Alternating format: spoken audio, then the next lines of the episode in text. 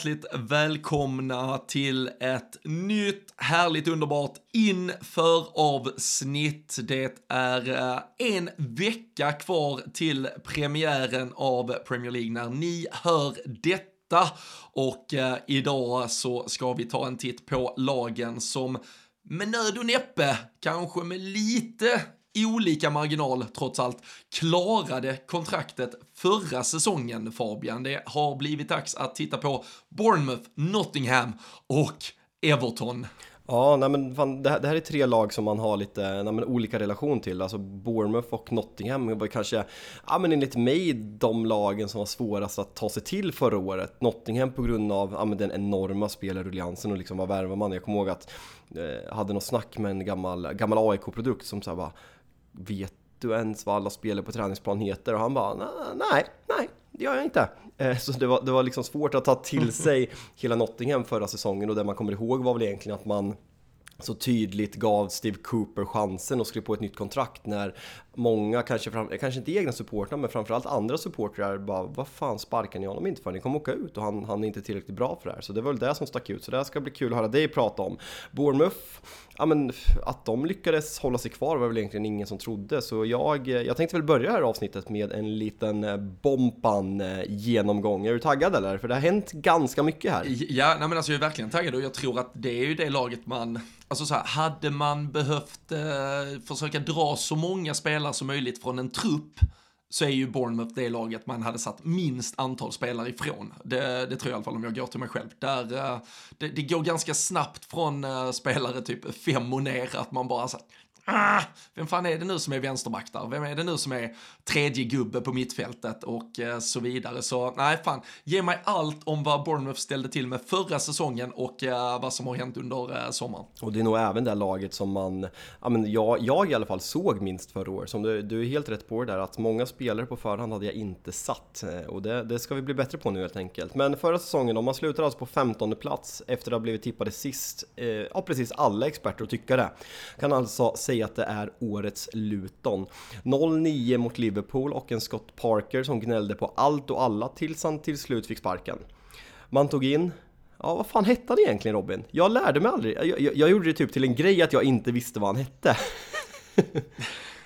Ja, alltså det var ju O'Neill, men sen ja. om det var Gary ja, du, eller Scott eller det är, Steve. Det är Gary O'Neill. Alltså man, man, man gick ju ofta till Chris O'Neill och sen kom man på, nej det är ju Maddes gubbe det där alltså. Uh, och uh, så fick man uh, sen... ja. ja. men det kändes ju så här, han var en interimlösning och sen bara så här, men fan skiter de i det? Alltså så här, vill de åka ut? För Scott Parker gnällde ju på att han inte fick några spelare, att man liksom gav upp väldigt tidigt. Men det här gick ju faktiskt ganska bra och man, man tog poäng och man tog det inte riktigt på allvar. För man tänkte att det här kommer inte hålla för de lagen bakom är bättre, Leicester är bättre, Everton är bättre och man gick bara liksom på historiken i klubben. Southampton hade ju en högsta nivå som man visade upp på hösten stundtals för att sen haverera fullständigt. Men, nej, men ser man till förutsättningarna så får man väl ändå ge Bournemouth nej, men, en väl godkänd första säsong i Premier League när man slutade på 15 plats när alla hade tippat eh, en som nummer 20. Ja, och eh, vi, eh, vi gjorde ju vad vi kunde genom att ge dem tre poäng eh, efter att vi hade slagit er med 7-0 och man kände att nu jävlar, är vi på uppgång så åkte vi ju till eh, uh, Bomban Away och eh, uh, Salah drog en straffen sådär en 40 meter över kryssribban och uh, sen så kunde Bournemouth få, få tre pinnar därifrån. Det, jag vet inte, att, att slå ett lag med 9-0 och sen torska med, med 1-0 när man egentligen ska vara i århundradets form ett halvår senare, det, det var märkliga tider, men det var väl de tre poängen ungefär de behövde för att klara kontraktet. Så grattis Bompan till vad vi gav er. Ja, men det, det var alltså 7-0, alltså jag vet inte om vi har sänt där inför avsnittet, men jag, jag pratade ju alltså om den här matchen på Anfield och trodde att det var 5 eller 6-0. Det vart alltså 7-0. Jag har på riktigt förtänkt det jag, jag, jag, trodde, jag trodde på allvar att, att du där och då bara försökte linda in någonting. Så jag var ju till och med snäll mot dig ifall man har hört det, eller om det, det kommer lite senare. Men eh, nej, 7-0 ja. ska vi vara väldigt tydliga med att det Vad fan var det året innan? Var det 5-0 på Old Trafford och typ 4-0 på Anfield? Nej, skitsamma. Ja, precis. Ja. Så, så 9-0, vi hade 4-0, 5-0, 7-0. Ja, det, det är många. Det, det, det, är mycket mot noll i alla fall. Det, det är det enda ja. vi kan vara helt ja, säkra på. Ja, fy fan vad mörkt. Vi ska gå över till till den kanske största händelsen i Bournemouth inför säsongen 22-23 och det är ju att många verkligen höjde på ögonbrynen när man sparkade O'Neill efter succén förra året och att det kändes liksom man ska sparka honom och liksom ta in honom under säsongen. När man inte gjorde det och han klarade sig så bra så trodde man att såklart att han skulle få chansen att bygga vidare. Men känslan var att när ersättaren, det stod klart att ersättaren hette Andoni Iraola, att många istället blir väldigt positiva och jag vet att både du och jag är ganska Premier League-runkiga. Har du någon koll på Iraola om jag får fråga dig?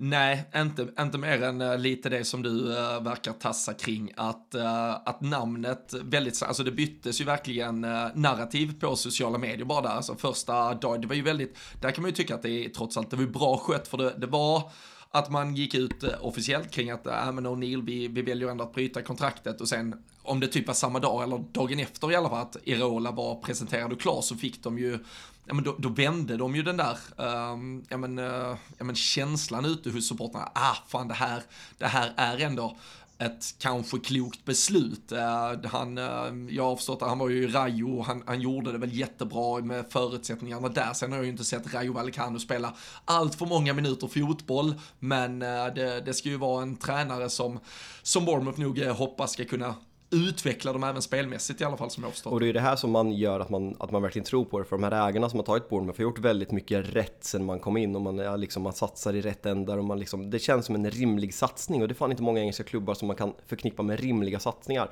Men precis som du säger så kommer han från Rayo Vallecano i La Liga där man på förra säsongen slutade på elfte plats trots att man länge, länge hade, liksom, hade hängt på Europaplatserna.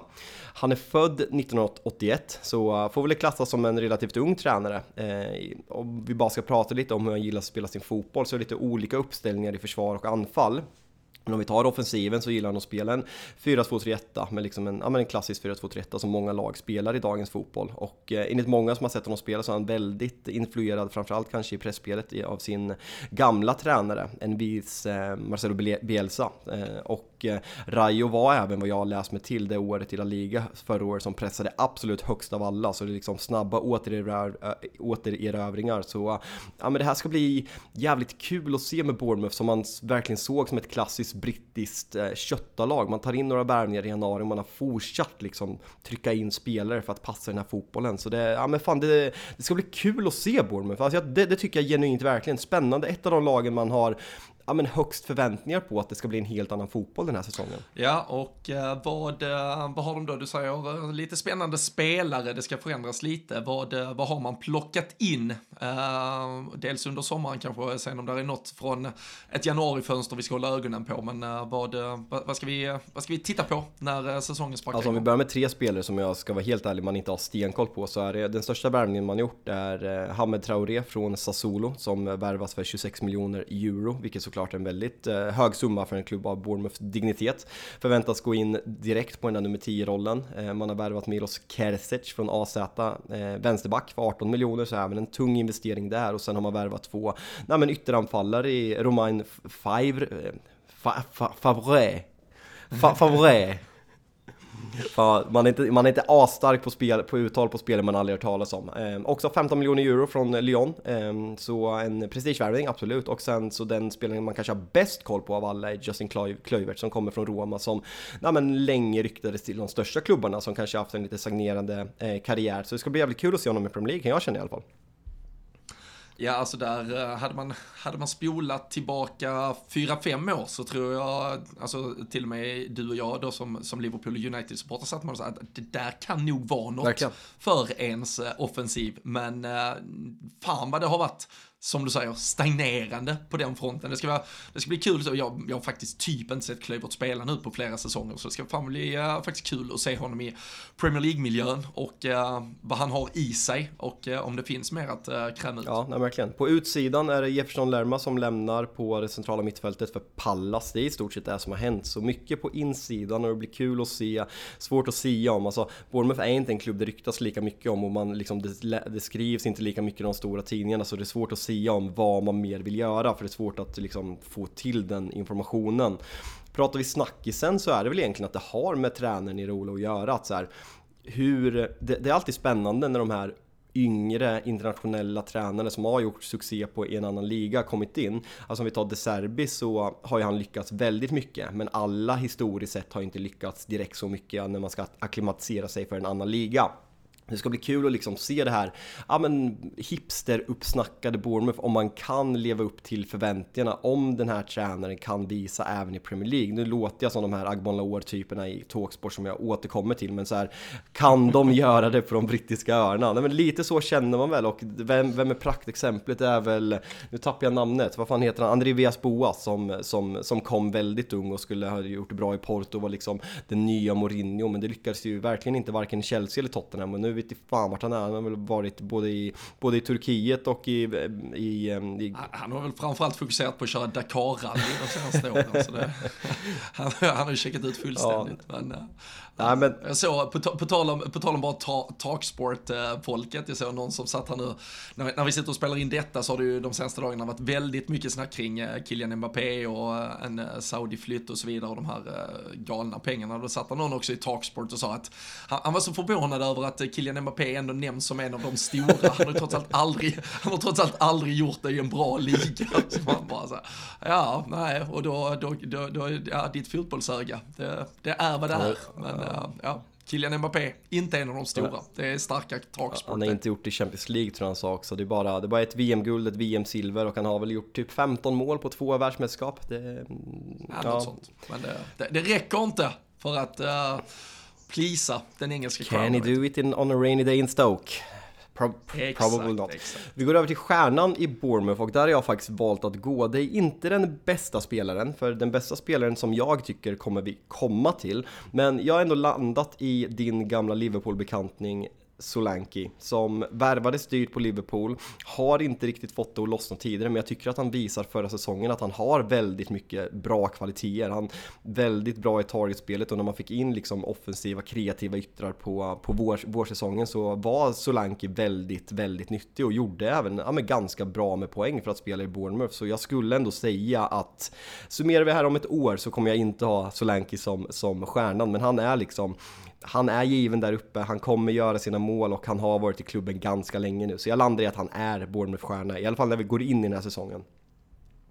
Ja, det är fan skönt och jag blir glad, pirrar i hela kroppen över att eh, Dominic Solanki någonstans i någons medvetande är en stor stjärna nu för tiden. För det, det, det såg man inte komma när han äh, hoppade in. Det var lång, alltså han eh, är ju exakt det som David Ngog en gång i tiden var för Liverpool. Alltså, alltså en alldeles för dålig andra fjol som man bara så här, man fasades varje gång han skulle komma in. Och jag vet, jag var på ett Liverpool-Everton, ett derby, kan det ha varit 2000 18 kanske, det är när Mohamed Salah gör det målet som fick Puskas Award på grund av att man dopade rösterna med typ Liverpool-supportrar och Egypten-supportrar och ingen fattade någonting. Det var ett ganska ja, vanligt mål egentligen. Men då står man i ett snöigt uh, Merseyside och uh, får startelvan till sig en timme innan och så Solanke från, från start på topp och då känner man bara aj, aj, aj, herregud, Bobby Firmino är ju bäst i världen just nu men vi ska starta Solanke på grund av att vi skulle rotera lite. Men uh, kul att se att han är stjärna i bompan Stjärnebompan, bara sidostory igen. Jag har så jävla dålig minne när man var en Facebook-krigare och skrev liksom när Twitter inte fanns och man skrev så här statusuppdateringar och matcher på Facebook. Kommer ihåg när United mötte Liverpool, jag var så här askaxig. Ja, hur ska United torska det här med David? Ska David Ngog avgöra det eller? Slutar absolut med att Ngog gör 2-0 på övertid och kommer, jag tror att Reina är först uppe och liksom... Pepe Reina är först ja, upp, exakt. Du kommer ihåg där. Det, det, det, det åldrades ja. sådär och det fick man höra av sina Facebook-vänner om det här typ runt, när kan det vara, 2010, 2009? 10. Ja, 10. Ja, 9 eller 10. Ja. Eh, hösten Någonstans där. Vi pratar om talangen som jag tror om vi summerar här om ett år även kommer vara lagets stora stjärna. Eh, Dango, eh, fan uttalar man ens? Ouattara. Ouattara.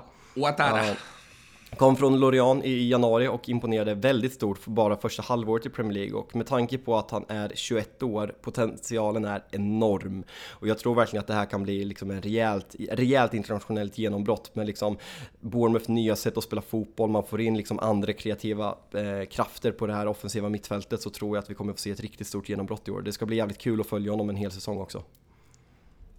Ja, nej men det, det håller jag helt klart eh, med om och eh, det, det, det, är väl rimligt om man har någorlunda förhoppning på, eh, på Bournemouth att med tiden så är det någon annan som axlar stjärnrollen än Dominic Solanki. Det, det, det, det, kan nog vara positivt för dem.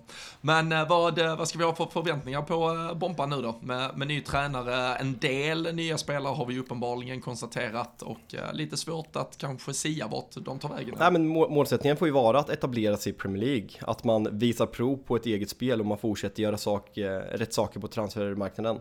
Eh, träffar man rätt i tränarrekryteringen som ja, men på förhand jag tycker mycket talar för och får betalt för några av de nya spelare så tror jag faktiskt att Bournemouth kan vara ett av de absolut största utropstecknen i, i ligan. Alltså träffar man rätt med tanke på, alltså det är mycket lag med stora frågetecken. Crystal Palace med Roy Hodgson ännu en säsong. Vi har West Ham med David Moyes som vi inte riktigt vet hur man ska ersätta Declan Rice. Vi har ja, men Everton som vi ska komma till senare i det här avsnittet där det känns som att väldigt mycket görs fel.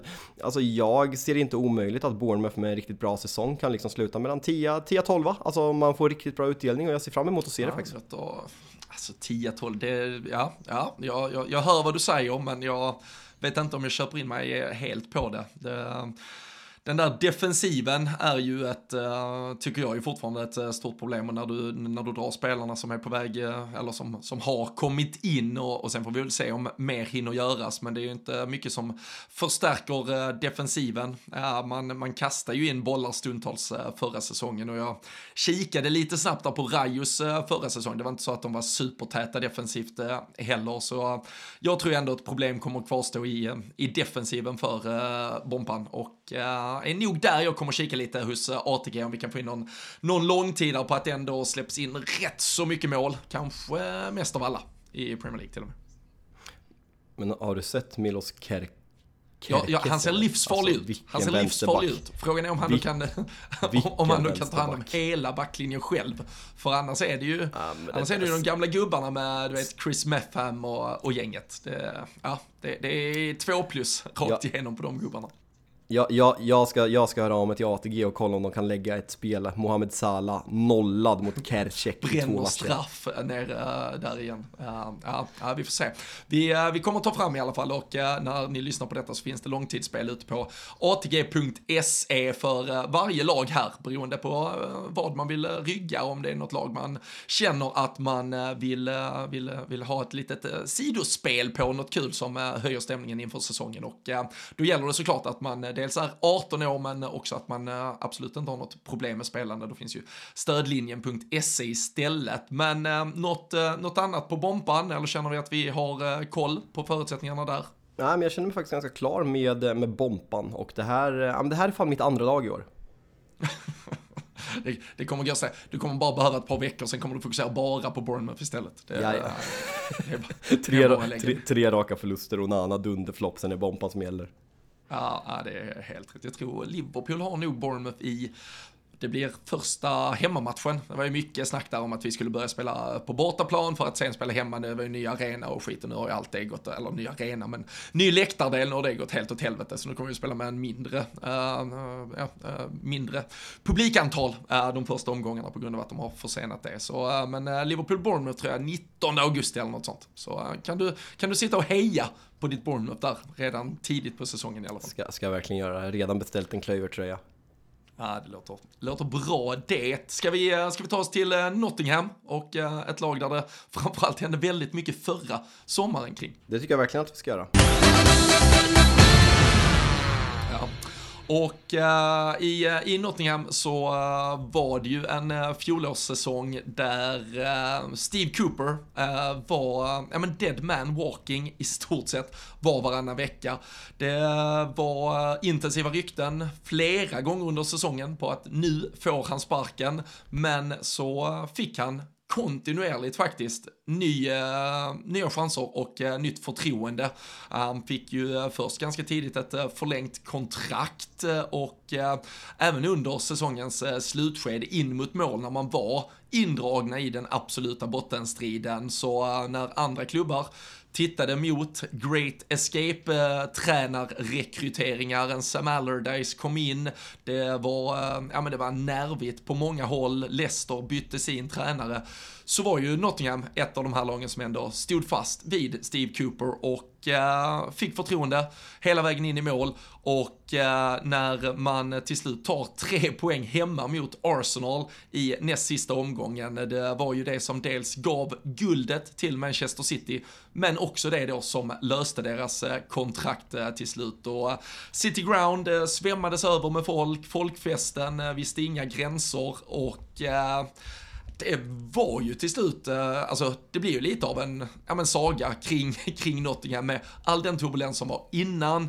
spelare in och ut, att så många förväntade sig att den här lynnige presidenten eller ägaren hela tiden skulle göra så med Steve Cooper, men gav honom förtroende och att det blev det vinnande konceptet. Det är väl det man egentligen tar med sig mest från fjolårssäsongen från eh, Nottingham. Ja men det, det, var ju kul, alltså så här, dels att en, en klubb från Nottingham, Nottingham är en väldigt stor stad, att de, det var första gången på väldigt länge de hade en klubb i högsta ligan, så det är kul att de håller sig kvar. Sen blev det verkligen att man vill ju se liksom en underdog som kommer upp, men den där stämpeln försvann ju direkt när man värvade så mycket spelare och la så mycket pengar och den här, han är väl grek, eh, den, här, den här ägaren har även om... Har ju även Olympiakos.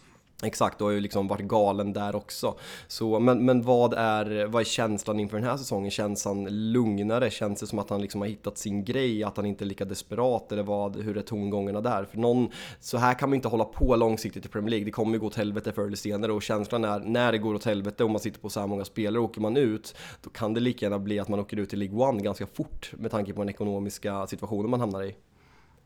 Ja men absolut. Och nu, alltså förra sommaren var ju, den var, den var ju extrem på alla sätt och vis. Och det kändes ju som att uh, alla spelare som, som fanns ute på marknaden och tillgängliga valde man ju att försöka knyta upp. Och uh, man, man gjorde ju till slut en, en trupp som var för bred, för obalanserad. Och det var väl först när man när man valde att faktiskt sortera ordentligt i den där truppen och valde att lita på ett, eh, ja men kanske ett mindre antal spelare som, som man fick ihop. Det någorlunda till slut och eh, Steve Cooper har ju, har ju jag eh, vissa minnen av. Han kom ju fram i Liverpools ungdomsverksamhet och jobbade på akademin eh, ett par år, eller flera år, i Liverpool innan han sen eh, klev över till eh, de engelska ungdomslandslagen och sen så hade han ju sitt första om säger, huvuduppdrag på, på seniornivå i, i Swansea och sen då eh, klivet nu till Nottingham och det, det är ju en eh, tränare som man kanske kan skoja lite om. Han, eh, han ser väl ibland och framförallt i vissa eh, grimaser och poser väldigt rolig ut. Det, det tycker jag att man får lov att eh, vara, vara ärlig med och eh, utan att vara för dömande kring. Men har ju alltså genom åren och det han har gjort på ungdomsnivå visar att han är en otroligt alltså, kunnig spelarutvecklare. Och eh, där finns ju faktiskt en hel del råtalang nu i det här Nottingham-laget. Så eh, jag har ändå vissa förväntningar på att med en lite mer slimmad trupp, med en lite mer sammansvetsad trupp, för det var ju, som du var inne på, alltså det var ju en trupp som under stunder nog inte hade koll på vem fan som satt i det där omklädningsrummet alla gånger. Men nu tror jag ändå att Nottingham har förutsättningar att kunna bygga något lite mer hållbart inför den här säsongen. Sen om det räcker, om truppen är tillräckligt bra, där finns absolut frågetecken, men jag tror vi kommer ha ett Nottingham med, med lite mer harmoni i alla fall när vi sparkar igång den här säsongen. Och känslan när man, när man bedömer Steve, Steve, Steve Cooper är liksom att jag, jag, tror att man är lite fördomsfull beroende på hur han ser ut. För han ser ju ut som liksom en ja, men så klassisk britt som man kan göra och liksom spela en väldigt tråkig fotboll. Men det är som du säger, det finns ju en annan träning, tränargärning där. Du ska få gå igenom lite övergångar in och ut. Det som sticker ut för mig kanske är Jesse Lingard som, eh, ja men vilken flopp det blev. Alltså han värvades ju verkligen som prestigevärvning på det här ettårskontraktet där det verkligen kändes som att han vill ha en sign-on så han kan casha ut och sen ta en sign-on nästa år. Har du, har du läst om Jesse Lingards nästa drag i karriären innan du går vidare på vad man mer har värvat? Nej, jag såg honom i någon äh, intervju om det typ var talk, Talksport för att äh, återkomma till det, men det kanske var någon annan kanal, men där han var ganska tydlig med att han, han, han, äh, han gick lite i bräschen och förklarade allt det fina med varför man ska gå till Saudiarabien för att tjäna pengar ungefär. Det är det senaste jag har tagit del av kring Jesse Lingard, men, men annars har jag inte koll på vad han vill göra nu.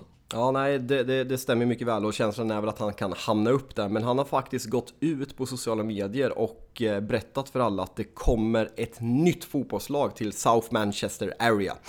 Det kommer bli provträningar eh, snart eh, och folk kommer få, kommer få söka. Och vet du vad det här laget ska heta? Links FC. Alltså du är så nära och du är så dålig. För det är såklart J-Links FC. Och oh! med, med, med, sloganen Heart of the Community. Oj, oj, oj. Ja, men är det något han har så är det hjärta. Verkligen, Jesse Lingard. Det känner man. Som det bultar. 21, ja, det, år, 21, 21 år är va?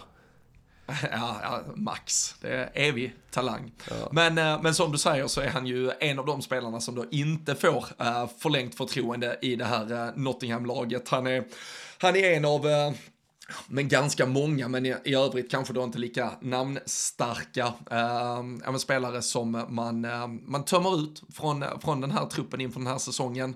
Man eh, har ju plockat in eh, Chris Wood eh, på en eh, men, officiell affär nu efter att man hade honom på lån under förra säsongen och eh, Ola Aina in från Torino, men med eh, svensk intresse så noterar vi såklart också Anthony Elanga in och uh, eh, hypad av Nottingham tyckte jag, alltså i, när man presenterar honom verkligen ja men eh, alltså takeover fullständigt på, på hemsida, sociala medier, man, man marknadsför det trots allt som en värvning som är stor för klubben. Det är inte så att man hämtar in en talang som det inte riktigt flög för i Manchester United, utan jag tror att eh, Nottingham ser honom som en, uh, ja men en, en riktigt stor spelare för dem framåt och uh, vi kan ju tycka att det inte blev vad man hoppades och att det fanns höga toppar och djupa dalar, men han har ändå gjort ett 50-tal matcher för United. Han har spelat PL, Champions League, Europa League, han har gjort mål väl i typ alla de här turneringarna. Det, det finns ju för Nottinghams del och var de är i hierarkin att plocka in en 21-åring med de erfarenheterna Elanga ändå har och med de verktygen han trots allt besitter så tror jag fan det kan bli ganska bra för Elanga i eh, Nottingham framåt. Ja men man hoppas ju också det för alltså, han har inte fått chansen liksom på sin position kontinuerligt i Manchester United för att han inte är tillräckligt bra. Han hade den där våren under Alf Rangnick men annars har han inte fått chansen så det ska bli kul att se honom. Och känslan är att det här liksom eh, tre manna mittfält, anfall mittfältet bakom, ja, men om det är eh, vem det nu om det blir Chris Wood eller vem som spelar där högst upp. Det blir väldigt intressant att se för det känns som en roll som kan passa Anthony Lang och även liksom på ett, på ett landslagsperspektiv. Kan han ta nästa steg och liksom etablera sig som en startspelare i Premier League så är det såklart jätteintressant för svenska landslaget framöver. Även om man kanske behöver bli 28 innan han får eh, bli ordinarie i Janne Anderssons landslag. Men det är en helt annan diskussion. Mm. Och eh, det som, eh, det som är lite problematiskt just nu om vi kanske eh, väger ihop då eller eh, lägger samman både vad som är kvar att göra på marknaden och det som är ganska stor snackis kring laget är ju att båda deras målvakter, man använder ju sig först framförallt av Dean Henderson och sen under andra delen av säsongen Keylor Navas som kom in från PSG var ju att båda de två var på lån i klubben, vilket betyder att man inför den den här säsongen, just nu när vi spelar in detta, endast står med Wayne Hennessy. Och vad är han känd för, Fabian? Uff, vad fan har vi på honom? Nej, eh, nej alltså, inget, alltså koll på honom, inget på rak arm som han är känd för. Nej. Han råkar ju göra nazihälsningen när de satt på julbord just med Crystal ja. Palace. Just ja, just Men det ja. var ju att han skulle, han skulle väl bara ropa på servitören eller något sånt och så råkade det bli ett dåligt, Hat, dåligt ha, moment. Hatar när man råkar göra nazihälsningen. nej, men eh, så det, det lämnar ju eh, ändå eh, Nottingham i en situation då med, med bara en ordinarie målvakt och kanske med en målvakt som i alla fall på pappret inte är tillräckligt stark för att ha som första slips när man går går in i säsongen. Eh, frågan här nu är väl lite kanske då Fabian om Dean Henderson skulle kunna bli aktuell igen med tanke på att uh, ni då i United ändå har fyllt på med André Onana som ny uh, första keeper och uh, Nottingham ändå har den relation till Henderson som de har. Jag vet inte om det har ryktats så mycket, alltså det har ju såklart nämnts, det är ett ganska enkelt pussel att lägga, men jag vet inte hur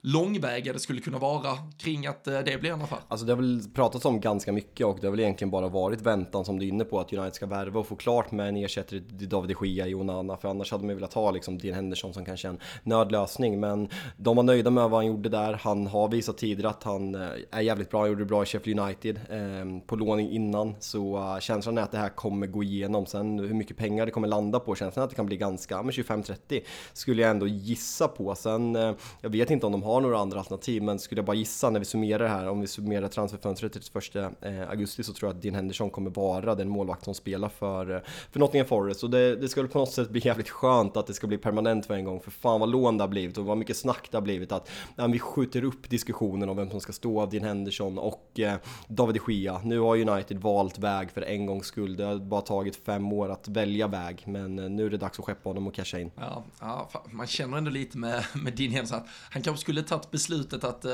tryckt på för en försäljning redan för typ fem år sedan istället för att eh, harva runt, stå och vänta på tillväxt där bakom och sen insåg att ah, jag blev ändå inte första keeper i eh, United. Men vi ser vem som står mellan stolparna när det sparkar igång för Nottingham om eh, en dryg eh, vecka här. Men eh, stjärnorna, de hittar vi faktiskt offensivt och jag har faktiskt här tagit två spelare som lite får dela både på talang och eh, stjärnstämpeln. För eh, tillsammans med då Anthony Elanga i en eh, offensiv trea bakom, precis som du var inne på, kanske Chris Wood, men kanske oftare Taiwo Awoniji, så är det Brennan Johnson och Morgan Gibbs White som finns i det där laget. Och 22 respektive 23 år gamla, så, så det är väl lite hugget som stucket där om man ska vara stjärna, talang, vad man exakt ska vara. Det vi vet är att det, det är två finslipade diamanter. Det finns en högsta nivå i de här två spelarna och eh, Gibbs White visar ju under sommaren att han gjorde det väldigt bra för England i, eh, under U21-EM. Brennan Johnson har ju redan ryktats till eh, ja, men de, de absolut största klubbarna och eh, Johnson gjorde 8 plus 3 förra säsongen. Gibbs White 5 plus 8. Så det är ju med, eh, ja men sett till Nottinghams dels placering och position i, i ligan, hur man stundtals hade väldigt svårt att få till ett, ett eget spel så var det ju ändå individuella prestationer som stack ut. Och eh, här finns ju för Nottingham också mycket dels sportslig potential i form av vad de kan bidra med på planen, men det är också lite deras ekonomiska garant skulle jag säga beroende på vad som händer. Jag, jag har svårt att säga att de här två spelarna gör mer än max en säsong till i Nottingham och eh, även om Gibbs White hämtades in väldigt dyrt från Wolverhampton så tror jag att det är värdet står kvar och eh, Brennan Johnson kan man nog sälja riktigt, riktigt dyrt också. Så vi har ju spelare som ligger på ja, totalt en miljard här nästan. Det är, det är 50 miljoner pundspelare, båda de här två i stort sett. Så uh, där finns lite, uh, ja men, uh, ja men lite, lite värde i detta Newcastle, eller Newcastle, Nottingham, men uh, framförallt också talang, potential och eh, som sagt tillsammans med Elanga bakom en Awoniji så lite spännande offensiv i Nottingham ändå. Ja men det kan man verkligen tycka, jag måste bara säga sido, jag gillar de här sidospåren men så här, innan man hade koll på Brennan Johnson när han liksom kom upp förra året, när, innan man såg honom, känns han inte som en bufflig jävla typ Grant Holt typ bara på namnet? Ah, jag, jag ger dig, alltså nu, nu, nu har man sett honom för mycket för att kunna, man behöver, det ska nästan vara spelare man typ inte har sett för att man ska kunna köpa det helt. Men jag, jag hör vad du säger, uh, men uh, han, uh, ja, han kanske inte helt ser ut som det låter att han ska se ut. Nej, nej men det, det var dit jag ville komma, men han var ju väldigt bra och det började ju pratas liksom om, om City redan förra säsongen och Morgan Gibbs White. Man höjde fan på ögonbrynen när den här summan kommer ut när de värvar, liksom Nottingham värvar honom. Det var väl närmre, sen det var väldigt mycket uppdelningar och så här vidareförsäljningar. Det kom ju ut att, det, ja, att han kostade typ 35, nästan... 35-40 miljoner till slut alltså. Ja men jag, jag, tror att det var 40 miljoner pund och liksom mm. så här, sen tror jag att det var väldigt uppdelat som sagt så det där vart ju liksom för uppskrivet och liksom folk som utanför England ville liksom idiotförklara det där och liksom samla billiga poäng på, på Twitter men han, han kom ju verkligen igång på våren och de här spelarna var ju verkligen anledningen att Nottingham kunde klara sig kvar. Så det ska bli kul att se dem nu när de har fått ett år till liksom spela en hel säsong i klubben. Så uh, men det här, som sagt, stjärnan och talang är samma. Det är, ett, det är verkligen no-brainer. Jag ser fram emot att se båda de här, vilken framtid de kan gå till mötes. Ja, nej men absolut och äh, det, det, det, är på de här spelarna, eller framförallt Gibbs White, äh, som, äh, som jag har siktat in mig också lite när det gäller spel bort hos ATG. Jag, jag tror han kommer göra en lite bättre säsong då äh, än man gjorde förra säsongen. Och det var ju ändå ganska äh, fina siffror han kom äh, upp på. Så det blir något äh, överspel på mål och assist där äh, har jag kikat på och försöka kombinera. Men äh, någonting med att äh, Gibbs White lite tar nästa kliv och kanske blir ännu lite bättre under säsongen som väntar. Så kika in långtidsspelen på atg.se eller via våra sociala medier. Så, så kan ni ta rygg där om man är 18 år fyllda och såklart inte har något problem med spel spelande för då finns ju stödlinjen.se. Men eh, tror eh, du att man ska ha eh, större förväntningar på Nottingham än att typ bara överleva? Det, det finns som sagt höjd, men eh, det finns ju absolut tyvärr också lite, lite lägsta nivå som man såg stundtals förra säsongen som inte kanske var bra nog och osäkerhet då än så länge på målvaktsposten också.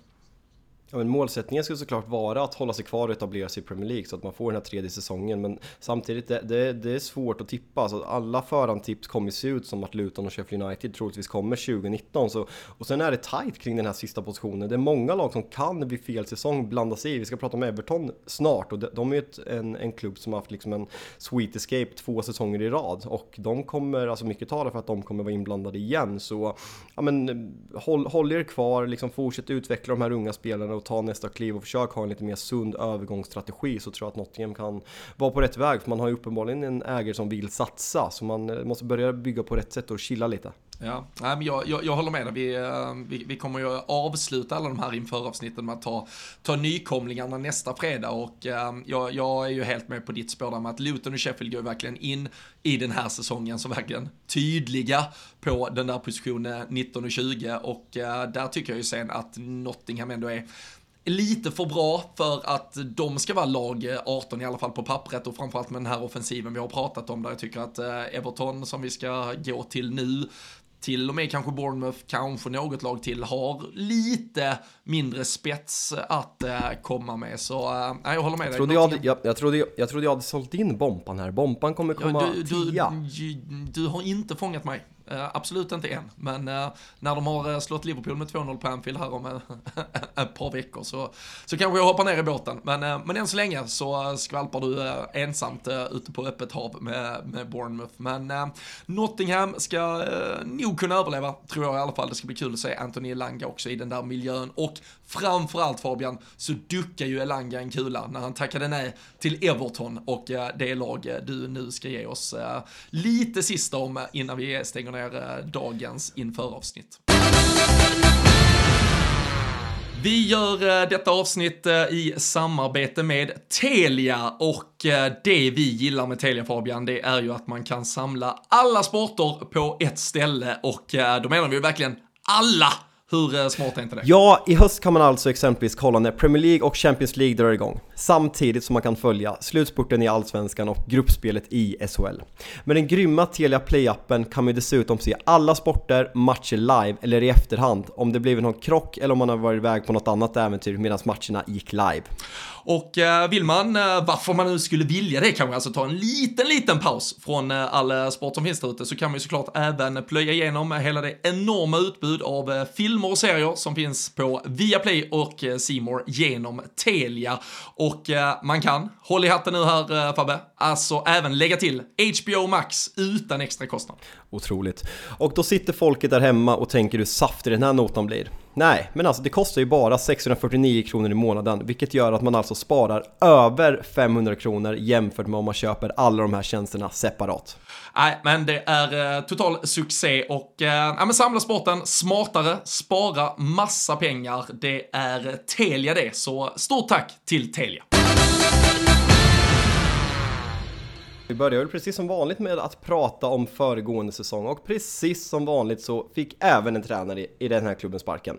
Frank Lampard räddade Everton kvar säsongen 21-22 och skulle bli frälsaren. Man såg tillbaka till hans fina tid i Derby, man såg tillbaka till hans fina första säsong med transferförbudet i, i Chelsea och man trodde att det här var the real deal. Han skulle vända den negativa trenden men nej Robin, det vart inte riktigt så va? Nej, det, det kommer aldrig gå någonsin med Frank Lampard, någonstans. Nej, vi landar väl där, eh, måste vi nog göra. Eh, vi går väl in lite på tränaren samtidigt som vi pratar om föregående säsong, för det är ofrånkomligt när han kom in redan förra säsongen. Sean Dyche kom in och man tog några skalper i början, bland annat när man besegrar Arsenal på Goodson Park. Men överlag blev det knappt bättre. Man slutade på 17 plats, man klarade sig kvar i sista omgången, eh, men tongångarna på den ljusa sidan av, den, den blåa sidan, inte ljusa sidan, jo, man kan även säga ljusa, för ni är såklart alltid dark side. Den blåa och ljusa sidan av Merseyside, de är fan inte ljusa. För man har klarat sig precis i slutet två säsonger i rad och frågan man ställer sig nu, ska man få inviga den där jävla arenan nere i Albert Dock i Championship eller inte? Det är, det är såklart drömmen för alla. En, en gemensam fotbollsvärld har gått ihop. Det, det finns frågor vi brinner för. Det är, vi är emot VAR, vi är för olika saker. Vi, eh, ja, vi tar strider, men att Everton ska inviga sin nya arena i The Championship, där är hela fotbollsvärlden förenad.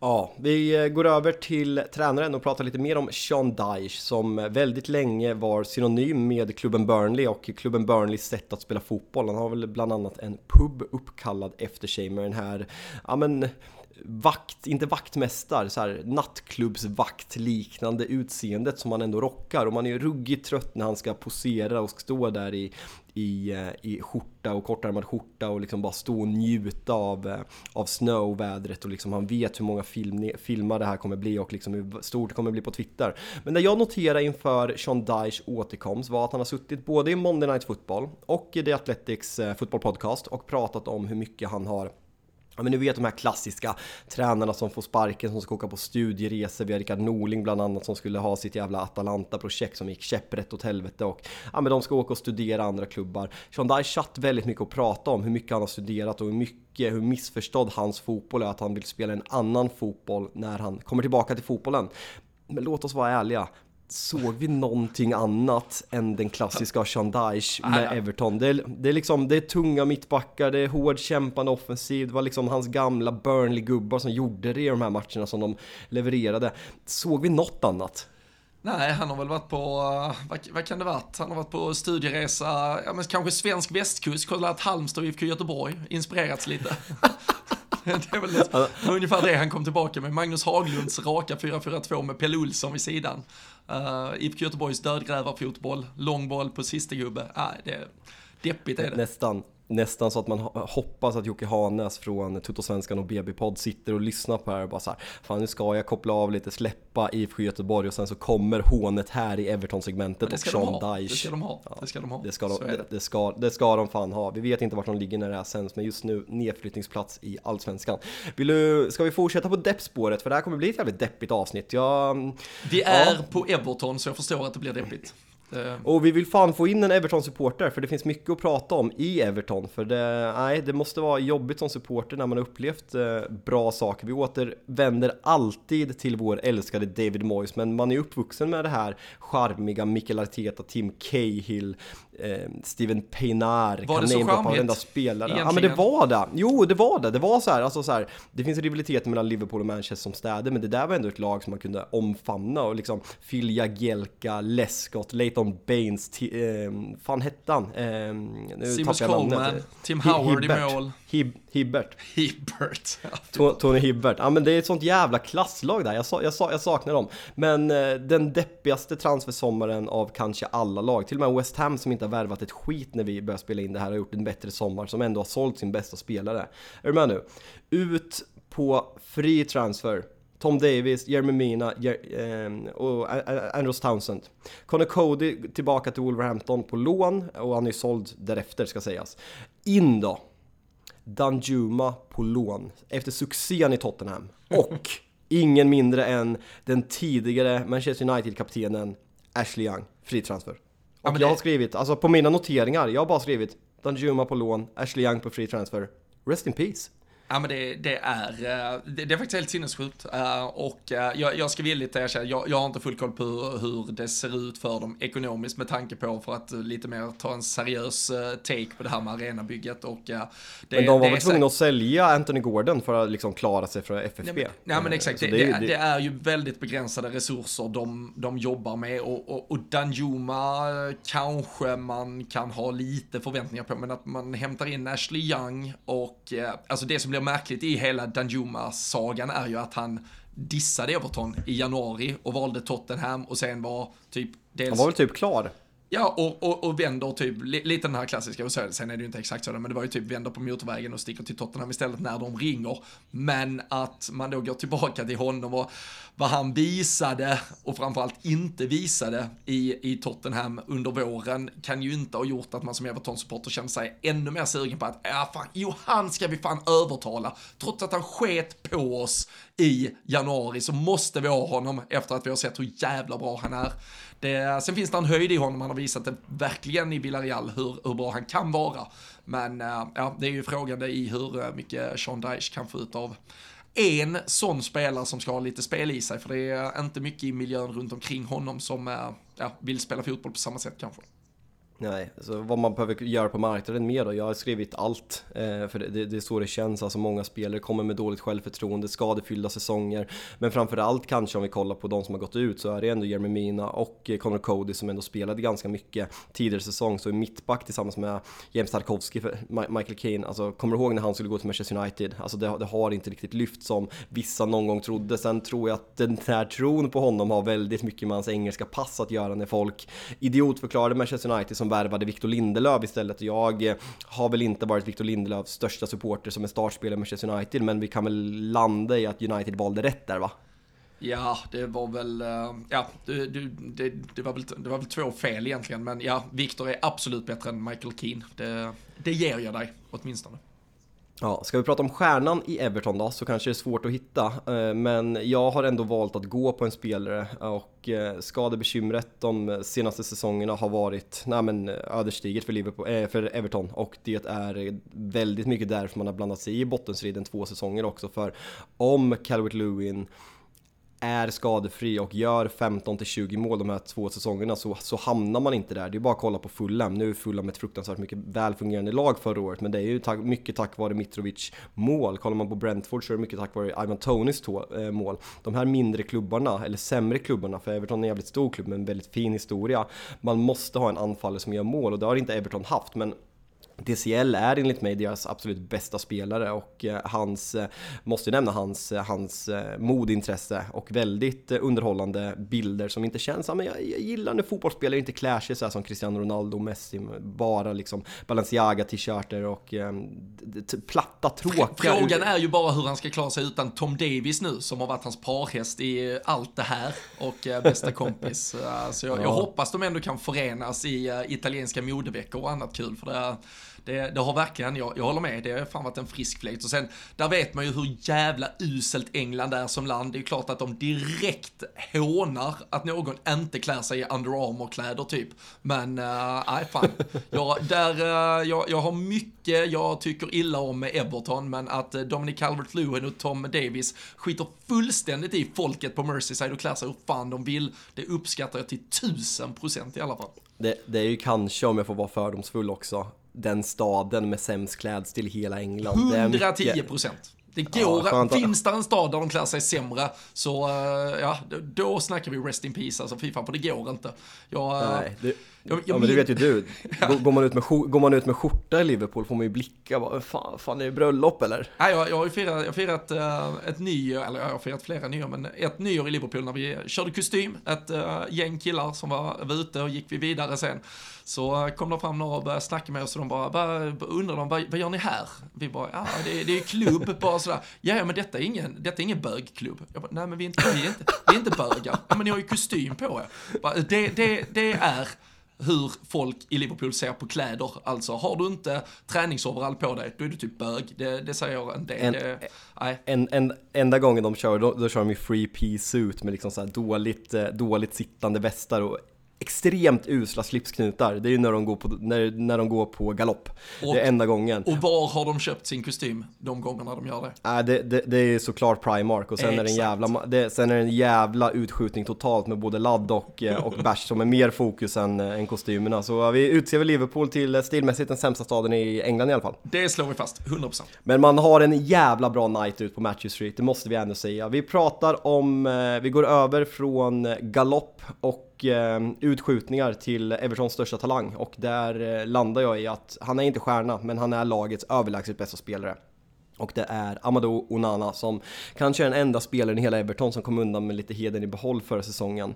Både du och jag såg honom vara fullständigt fenomenal och köra över det svenska landslaget på Friends Arena eh, förra hösten, där man vinner med 3-0 väl.